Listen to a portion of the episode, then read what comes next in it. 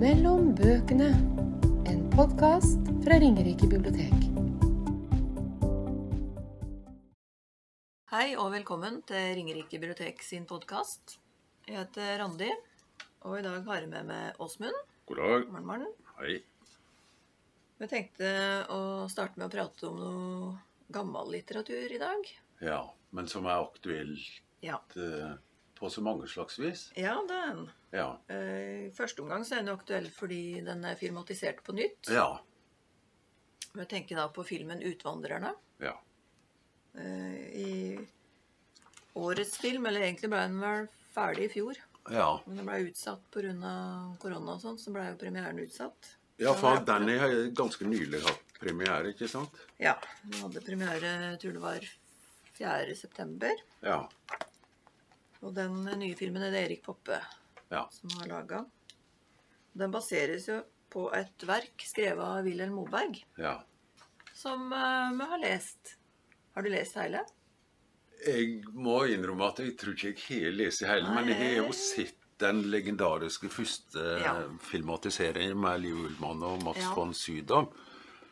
Den begynner å bli noen år gammel. Ja. Den eh, kom vel i 71. Ja.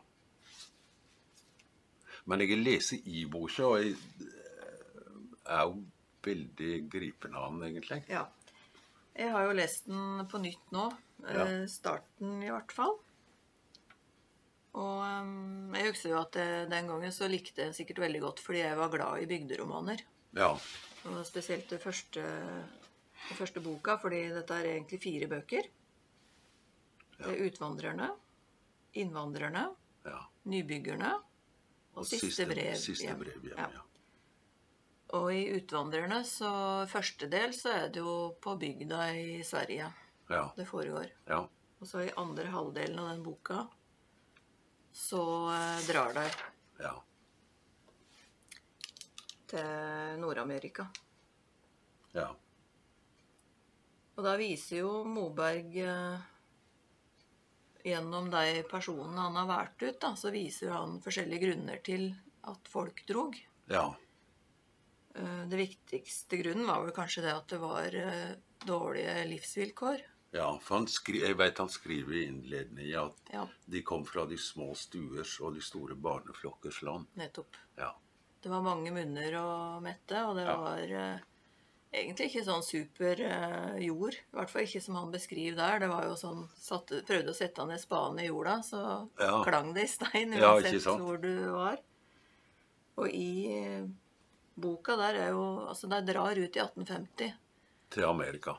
til Amerika, så det må jo være i 1848 så var det veldig våt sommer, Ja. og da råtna kornet. Ja. Og s- Eller var dårlig kvalitet, i hvert fall. Og sommeren etterpå så var det veldig turt. Ja.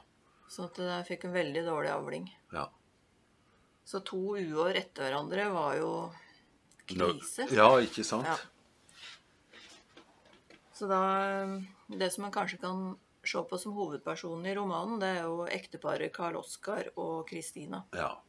De bestemmer seg da for å dra og prøve å f- For da har de jo hørt om Amerika. Dette forjettede land. Ja, ja det er det. Der det er land som bare venter på å bli dyrka. Ja. Som ligger veldig til rette for dyrking, da. Ja, ja. Med god jord og ikke så bratt. Nei. Nei. Så, men nei, det er en eh, veldig sånn mektig epos, og det er et Ja. eh, Han prøver jo å skrive deres historie. Mhm. Eh, og det er litt sånn Hva skal du si Litt eh, vemodig eh, For han prøver å reise et monument i ved deg. De, Ja. de første som drog. Ja, det var de første som dro fra Ja. denne delen av eh, Sverige. Juder i Småland er det Mm. han Ja. skriver om. ja. Og de skriver i eh, avslutningen av innledningen, så skriver Mm. han det at de menn og kvinner denne beretningen handler om, har for lenge siden forlatt denne verden.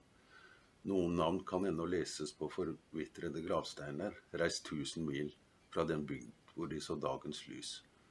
På hjemstedet er deres navn glemt, og deres utvandringseventyr tilhører snart sagaen og legenden. Men det har jo han retta på, da, på en måte. Du glemmer jo ikke det. Nei.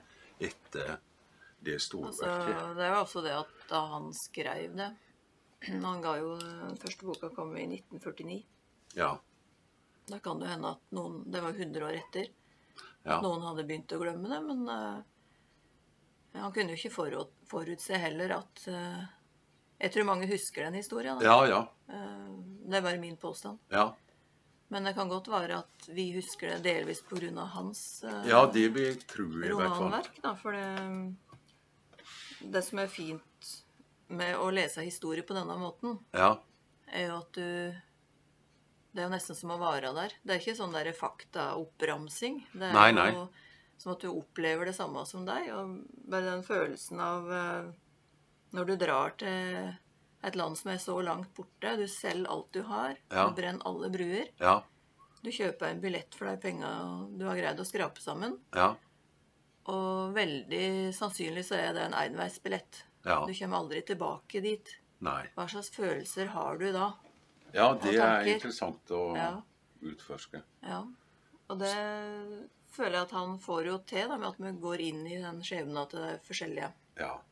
ja, så det er historie sett nedenfra, eller Ja. fra enkeltmenneskes Nettopp. synspunkt, på en måte.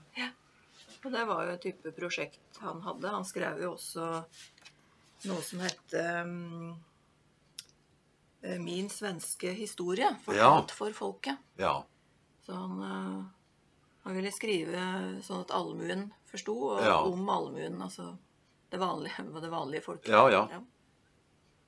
og, men det, han ble ikke helt ferdig med det prosjektet, Jeg er eller husker usikker. dette? Jeg er usikker. Jeg har jo ikke lest eh, historieverket hans. Nei. Men jeg tror det der at han ønska å, s- å skrive om vanlige folk eh, Det er ikke sikkert han fikk det helt til, da. Jeg vet Nei, ikke. At nei, det jeg var vet ikke. eh, vanskelig å omgå disse her kongene og Ja, militære og disse her som, som gjør de store handlinger, da. Ja. Men det vet jeg i hvert fall at det perspektivet er tatt opp seinere, Ja. òg av historikere. Mm. Og da eh, tenkte jeg på Peter Engelund. ja. Som er, han er jo historiker, ikke, ikke skjønnlitterær forfatter. Og han slo gjennom ei bok som heter 'Poltava'. Ja. eh, fortellingen om en hærs undergang. Ja. Eh, og der er det jo om hærførere og slike ting òg, men han eh, prøver gjennom eh, å se på dokument og, og brev og slik han har fått tilgang til, til å se på hvis det var for vanlige folk, da. ja. Og det kommer nokså tydelig fram i eh, dedikasjonen i boka. Han dediserer boka til Erik Måne. Eh, så han skriver denne boken tilegnes menig fotsoldat Erik Måne, som tilhørte 5. tropp, 100 Hæradskompaniet, Opplandsregiment.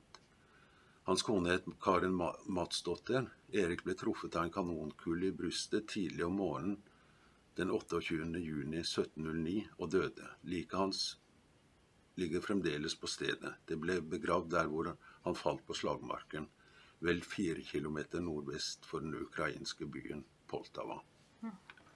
Ei kanonkule, sa du? Kanonkull, ja. Rett og slett. Ja. Og kanskje likhet og Ja. Ja. ja. Huffa, Og meg, der det eh, var vi ikke i en Ukraina, skjebne. i U- Ukraina at det, Ja. og det kommer jeg tilbake til litt seinere. Ja. Eh, ehm, ja. Ja, nei, og det, han har gjort det samme Han har gjort det samme i en bok som heter 'Krigens skjønnhet eh, og sorg'.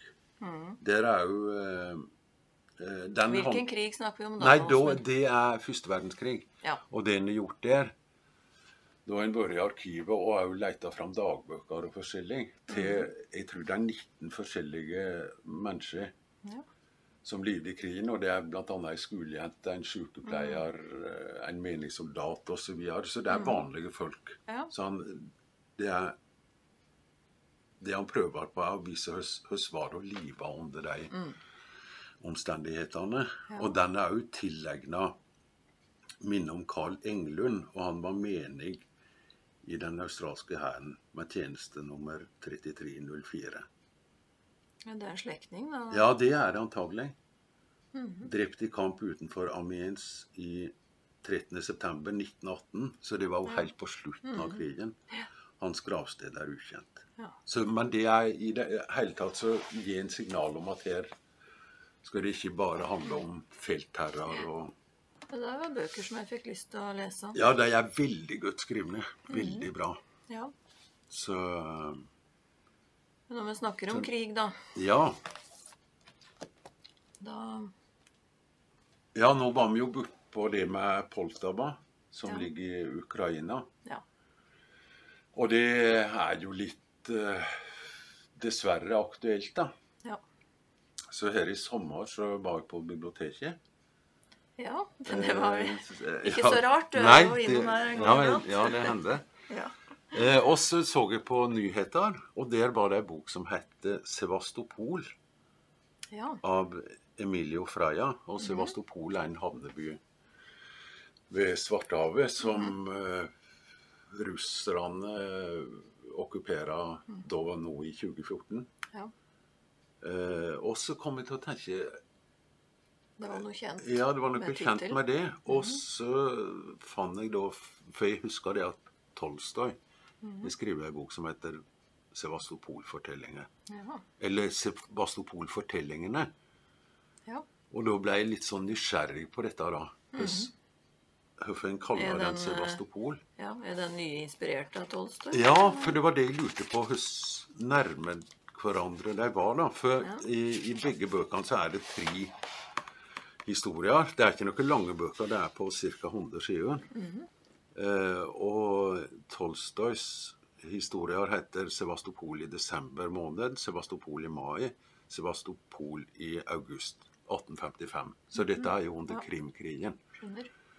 Mens eh, Freyas eh, bok har historiene i titlene 'Desember', 'Mai' og 'August'. Så det er jo veldig likt, da.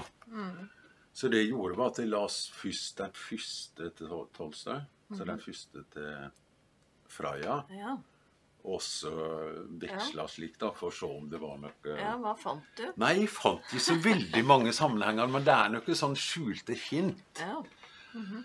Eh, fordi at Tolstojs bo- bok er jo ei bok om krigen. Det er nesten ei sånn reportasjebok Ja. der han eh, har litt sånn fugleperspektiv i det f- den første historien, Mhm. og så går han nærmere og nærmere ned på bakken, og den siste handler om to brødre som kjemper i denne krigen, og deres skjebne. Mhm. Ja. Mens eh, Freyas bok er ei moderne bok om eh, Brasil. Han er jo bras, eh, brasilianer. Så det er stort sett om unge folk i Brasil, da. Jaha.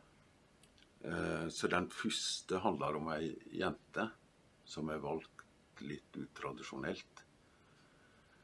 For de fleste av vennene hennes, eh, de gjør karriere og tror at de har funnet lyset. Mens hun, hun drar på ekspedisjoner til Himalaya Ja. og er fjellklatrer. Men det, du skjønner jo tidlig i historien at eh, det ikke går helt bra. Nei. Eh, For hun sitter i rullestol. Så det er historien om hvordan dette gikk, da. Og der er et lite hint til, til, til Krimkrigen. Bare en liten setning, så vidt jeg husker. I den andre historien til Freya så handler det om en som prøver å bygge et hotell øh, ved Amazonas. Så når den fyller bassenget, så er vannet helt svart. Og det er antagelig et slags hint til Svartehavet. Ja. Eh, For Det kan være. Svartehavet har navnet sitt fordi at det er mørkt vann. Det er veldig Ja. Mhm. mineralrikt.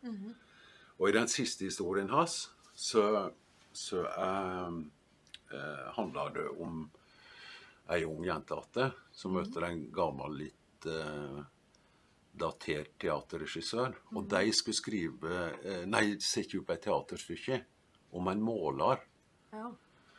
som måler soldater under Krimkrigen. Så der er det helt tydelige forbindelseslinjer. Ja. Eh, Men jeg fant ikke noen dypere sammenheng. Men eh, det kan jo hende at bedre lesere enn meg eh, kan finne det. ja.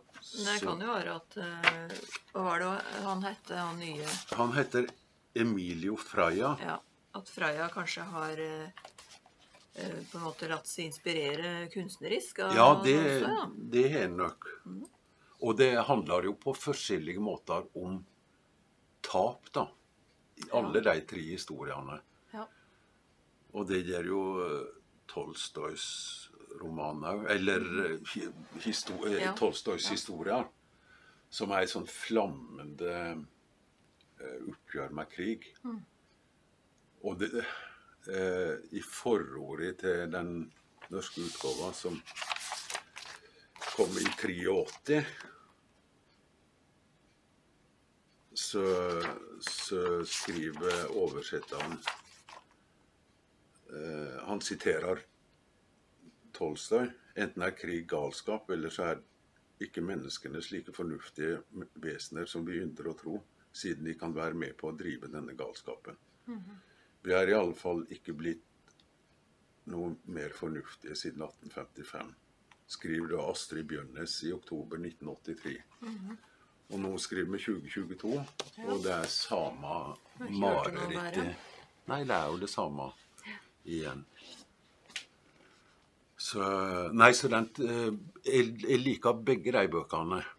Og Tolstojs bok er et sånt flammende oppgjør, og han er rasende på den galskapen han er vitne til. Da. Eh,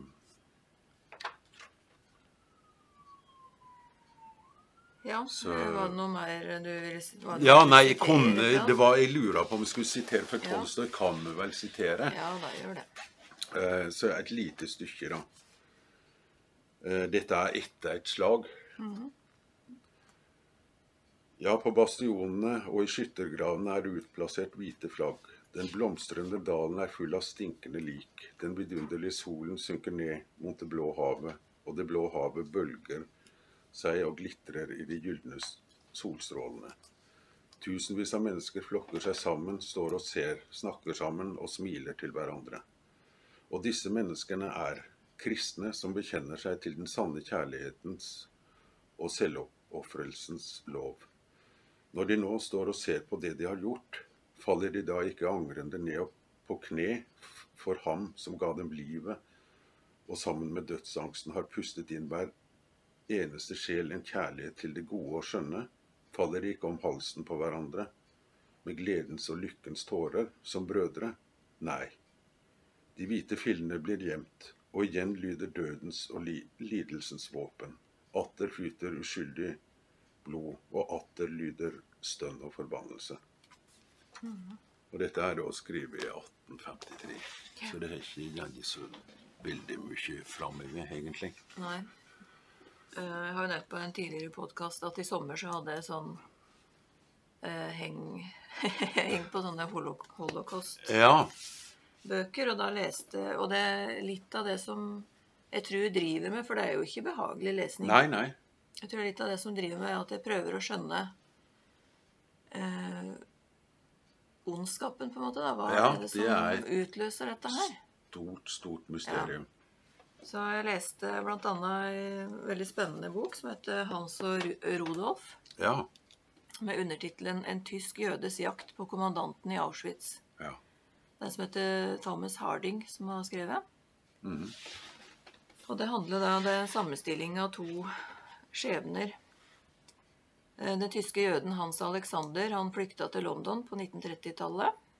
Han verva seg til militæret, og etter krigen så deltok han i et britisk spesialteam som Ja. arresterte nazistenes verste krigsforbrytere. ja. Blant deg Ru- Rudolf Høss, kommandant i Auschwitz, og egentlig da ansvarlig for millioner av jøder og krigsforbrytere som ble torturert og plaga til døde, Ja, eller sendt direkte i gasskammeret da de kom. ja. Hans Alexander han er grandonker til denne forfatteren, da. Ja, Og den sammenstillinga av de to skjebnene, eh, det ble en veldig interessant og vekslende og sånn engasjerende eh, fortelling. for ja meg. ikke sant? Og da kom det jo fram i den boka at Rodolf Høss, han, mens han venta på ja, dommen, eller eh, også fullbyrdelse av dommen, så eh, ble han godt tatt vare på, egentlig. Han fikk da sitte og skrive Ja, eh, om livet sitt. ja. Og da var det sånn Den boka må jeg lese. Den er Ja. jo gitt ut på norsk. Ja, ikke sant? Så, men den har jeg liggende. så Den har jeg ikke begynt på ennå, da. Og er det ei eh, Høst sin beretning, da? Ja. Ja, for da skal jeg, ba- jeg skal bare nevne én ting om eh, Høss. Ja. For jeg har lest en bok som heter 'Nürnberg-intervjuene'. Ja. Og det var en jødisk psykiater som uh, intervjua eh, krigsforbryterne før, før dommen, da. Og jeg mener at det er Rudolf Mm. Ja, det Høss kan han, nok stemme. Mm. han er, møter i cella. Og så kommer han inn og så spør han høst og gjeng med høst. Ja, uff, nei, jeg fryser på beina. Ja. Og så kan du bare tenke deg, der, der kommer da en representant for jødene. Mhm. Som han, han har tatt i livet av millioner av dem. Mhm. Og han sitter på cella og klager over at han fryser på tærne. Ja. Det er noe litt narsissistisk der, kanskje? ja, det kan det være. Eh, har jo ikke gått inn i psyken hans selv. Nei, men nei. eh, Hitler òg var jo hyggelig. Ja da. hvis han eh, likte noen. Så det, Dyrevernbarn. ja, da. så det, det er veldig pussig. ja. At det der kan være så menneskelig på den ene sida, og så er det udyr Ja. på den andre sida. Men det han um, Thomas Harding kommer inn på i denne ro- boka her, er jo at eh, Rodolf Høss eh, blei jo på en måte Eller nye kommandanter og sånn, de blei jo på en måte tvungne inn i, inn i det. ja. Eh, Det var vel en annen eh, av disse her militære eller disse kommandantene som hadde gjort en feil. Ja. En feil i tjenesten. Og da fikk Rodolf Høss beskjed om å avlive han. Og det var jo For det første var det en utrolig streng dom Ja. for en forholdsvis liten forseelse. Ja, ja. Så, og da hadde han jo valget, da. Enten Ja. så skyter du han, eller så blir du skutt, Ja. kanskje. Jeg veit ikke. Men eh, eh, Og det var jo et sånn enormt system. Det var, jo et indus- det var jo industri. Ja, ja. Altså, det tok jo livet av så mange om gangen. ja. Eh, Du kan ikke skjønne at folk, at mennesker da, kunne drive vare med på det. Nei, det er helt ufattelig. Men det var jo det du hadde valget, kanskje. da. Enten så er du med, eller så kan du bare si takk og farvel. Ja. Men hadde Men- alle gjort det, da? Hadde de gjort opprør, kanskje? ja. Men, eh, Men det skjedde ikke. For Nei, det det vet skjedde jeg eh, Jeg vet, har vi nevnt den tidligere, den helt vanlige menn? eh, som- Jeg tror du har nevnt den så vidt. Ja, men der er det jo det litt av poenget Ja. at eh, det var ikke hele forklaringen det der at det var enten ble de skutt Nei. eller så ble de ikke skutt. Nei. Eh, det var bl.a. en forretningsmann. Det handla jo om vanlige familiefedre fra Hamburg som reiser til Polen, og etter tre uker så går de helt bananas og eh, avretter jøder. ja. I den Så lagen. det kan ikke bare forklares med at de blir pressa med Nei, for han Så eh, gjør du det, eller så dør du, liksom. Ja. Ja. For det at han forretningsmannen han har sagt at dette er, dette er ikke jeg med på. Og han fikk dra tilbake til Hamburg og Å, ja. fortsatte Ja. sin virksomhet. Men er det noe Så- med når du er uniformert, og du på en måte er løsrevet Ja, alle du, gjør du det, er på en så måte i en annen virkelighet. Ja, Kan det være noe der? det kan det. For jeg, jeg kom til å tenke på ei anna bok som eh, Den er noen år gammel nå, men den er veldig imponerende. Mm. Jonathan Little. Ja. Jeg tror ikke han var 30 år en gang jeg, når Mm. han skrev den. Det er en murstein som heter De velvillige. ja. Eh, og han fikk Den skrev han på fransk. Han er engelsk, men skrev den men på Mm. ja, fransk. han Og skjønner fikk ikke den dette. her, ja da, han fikk den Goncourt-prisen. ja. Største litterære utmerkelsen i Frankrike. Og der, eh, faktisk på forsida av den boka, så kommer han inn på dette temaet. For det handler jo om en SS-kommandant. Og han skriver Maximilian Aue, som han heter. Han sier følgende Hvis du er født i et land eller en tid der ingen kommer for å drepe din kone eller dine barn, og heller ikke noen kommer for å be deg drepe andres koner eller barn, så takk din Gud og gå i fred. Men hold alltid fast ved denne tanken. Du har kanskje vært heldigere enn meg, men du er ikke et bedre menneske. Eh, Så det er jo litt tankefullt. Og den boka handler jo da om Maximilian Aue. Og han blir skrevet inn i eh, de store begivenhetene eh, under andre verdenskrig. Og Mm. så handler det litt om tida etterpå òg, for han var jo ikke veldig høyt oppe i systemet, så han fortsetter som Men er det en eh, person som har levd? Nei, det er Nei, det er ikke. Han er, fiktivt. han er fiktiv, men han blir skrevet inn eh, så han møter Mm, skjønner. Goebbels osv. videre. Men etter krigen så fort- fortsetter han et eh, stille og rolig liv i Ja. Vest-Tyskland uten at noe skjer.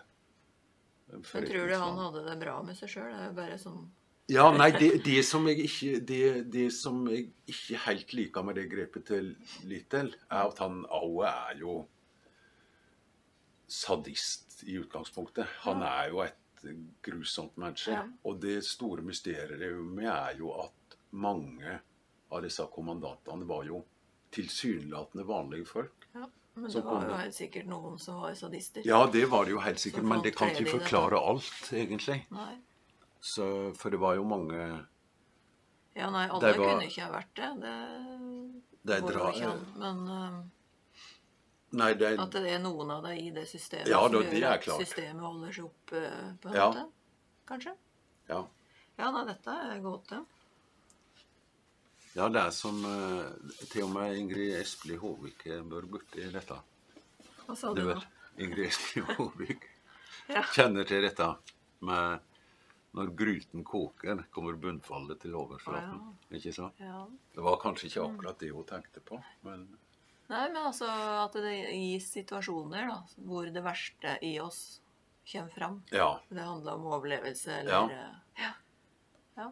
eh, Så nei, det er, et, det er et stort tema. Og vi har flere bøker her om den problemstillingen. Men Jeg nevnte jo han Jeg tror det er Browning han heter. Boka Ja. heter i hvert fall 'Helt vanlige menn'. ja. Eh, Men vi har en annen òg som heter 'Soldater'. Eh, ja. Og hvem er det? Er han Weltzer? Tror jeg jeg skriver den. Eh, nei, 'Gjerningsmenn' heter den. Ja. Eh, og den, det er jo eh, intervju med tyske soldater etter krigen. Ja. eh, Og den, det er en sosiologisk studio, eh, studie. Mm. Ja. Så Det bør jeg sikkert lese. Er det lesbart, da? ja, det er Skjønner- lesbart, kommer jeg men til det å er skjønne jo så forferdelig vet du, at du må ta det litt i, i Ja, ja, det porsjoner. skjønner jeg. Ja. Så nei, det blir litt Det kan bli tungt litt mye, inniblant. ja. Ja. Når du nevnte Ja, hva var det du Ja, når man var inne på det med første verdenskrig, da, Ja, så fikk jeg lyst til å nevne en roman som jeg nylig har lest, ja. av Året, som heter 'Fyrsten av Finntjern'. ja, den eh, Ja. har jeg hørt om, ja. Den er skre- skrevet av Lars Elling. ja. Og den har en eh, rammefortelling som er lagt til 1985. Ja. Og da er det en eh, gutt som heter Philip, som går siste året på videregående. Ja. Og han bor i Kvartsveien 8A sammen med familien sin, deriblant gamle bestefar Arnstein, Ja. som holdt til i første etasje i generasjonsboligen. I 8B så bor grandonkel Truls, som de overhodet ikke har kontakt med, for mellom de to brødrene er det isfront. ja. Denne høsten får Philip god kontakt med bestefar sin, og han begynner å fortelle henne fra oppveksten sin. Den gangen var han og Truls gode venner og helt sammen. Mhm. Faren deres han sendte deg ut i marka en sommer for at jeg skulle lære overlevelse i naturen. Det var noe han tenkte var veldig lurt, for han frykta at eh, urolighetene nede i Europa på den tida, 1914, Ja. også skulle nå deg. Det var viktig, trodde han, å lære å greie seg sjøl i naturen. Og guttene de viste seg å klare seg bra, for så vidt. Ehm, På mange måter var det en lærerik og begivenhetsrik sommer, Ja. men til hvilken pris? Ja. Sier ikke noe mer om det. Nei. Lars Elling han er billedkunstner, kunstner, og det merker du, syns jeg, da språket i romanen er malerisk, rikt og egentlig litt annerledes. Ja. Det er nesten som jeg har en sånn visuell eh, leseopplevelse. At jeg ser Ja, ting ikke sant? veldig klart for meg. ja, for denne har jeg fått gode kritikker, så Ja. den tror jeg må Huk Den av. eh, Vi har vel snakka om den så vidt i en annen podkast òg, bare Ja. nevnt den. At det er en av årets eh, leseopplevelser jeg i hvert fall kommer til å huske. Ja. Og så var det noe Så- annet du nevnte. eh, Det var noe med ei ung dame og en dramatiker Ja. i en eller annen sammenheng her. ja, det var han Freya. Ja, nettopp. Ja. Da kom jeg på ei anna bok jeg har lest. Ja, hør det. 'I skyggen av Ibsen', Ja. med undertittelen 'Dikterens unge kvinner'. Ai, ai, En ai. historie om kunst, makt og begjær. Ja. Skrevet av Astrid Sæther. Og det er også ei bok fra i år. Ja. Og den handler om eh, ei epoke på slutten av 1800-tallet, nærmere bestemt mellom 1889 og 1899. Ja. Da møtte Henrik Ibsen nokså i tur og orden fire unge kvinner han la sin elsk på, ja. og som ble betatt av han. Det starta med fysiske møter, som siden ble videreutvikla, eller iallfall holdt i live i en periode, gjennom brevveksling. Og da kan en jo lure på om det var Ibsens ønske om å forstå kvinnesinnet. At det er en form Ja. for research som gjorde at han innleda disse i og for seg uskyldige forholda. Eller var han det Var han det Mø kanskje i vår tid ville kalt en gammel gris? Ja, det var det. Og hva var det som gjorde at de unge kvinnene kunne finne det interessant med samvær og samtaler med en så betydelig mye eldre mann, og i tillegg gift? Ja. Eh, tenker med meg sjøl at Ibsen hadde nok et, en sterk tilstedeværelse og et intenst blikk som så deg. Ja. Og er ikke det noe med alle drømmer om å bli sett? Ja, og så var det, altså Han kunne være en gammel grismann med et visst litterært talent. da. Det var jo på denne Ja, tida det han hadde skrev jo eh, utvilsomt. nutidsdramaene. Ja. Eh, alle de kjente nutidsdramaene er fra denne tida. Så han var nok en interessant Her er sikkert en interessant samtalepartner. Ja. Eh, I hvert fall eh, syns jeg dette var en veldig interessant eh, bok. Og det gjør ikke noe at jeg etterpå sitter med flere spørsmålstegn enn utropstegn, liksom. Eh, Det gjør bare mer interessant, og jeg får kanskje lyst til å lese mer om Ibsen. Ja. For jeg har, ikke, jeg har jo lest noe om han, men eh, det fins jo veldig mye stoff om han. ja. Men jeg tenker på, blir det kobla, liksom eh, For du kan tenke på Villanden og slik er jo om ei ganske ung jente. og Det er jo flere unge kvinner Ja. i disse nutidsdramaene. Blir det kobla på noen måte, eller spekulert i Ikke om sånn veldig klart som jeg husker nå. Det Nei. er en stund siden jeg leste boka. Ja. Jeg var jo inne på, på det at han kanskje gjorde research, ja, men jeg husker ikke om det var helt kobla. Nei. Det er jo ikke så lett kanskje å gjøre seg et bilde av hvordan det egentlig var. For det er jo ikke så veldig mange brev, og det er ikke så veldig Nei, mye ikke sånt som sant. finnes. Nei. Men eh, et interessant spørsmål, Åsmund. Ja. Ja. Men var det, sp- og det var ei spennende bok? jeg leste den eh, med interesse. Ja. Den var ikke vanskelig. Nei, ikke sant? For det, det syns jeg er veldig fint med sakprosa som, som du kan lese uten å sitte med oppslagsverk ved siden av. Ja, ja, og det er veldig fint. At den henviser til liksom Med at den forklarer Du finner veldig mye forklaring og sammen Hva heter det? Ehm, kontekst Ja, i, ikke sant? i ei bok. Ja, Som gjør at du, du får mye ut av den, da. ja, ja. Ja.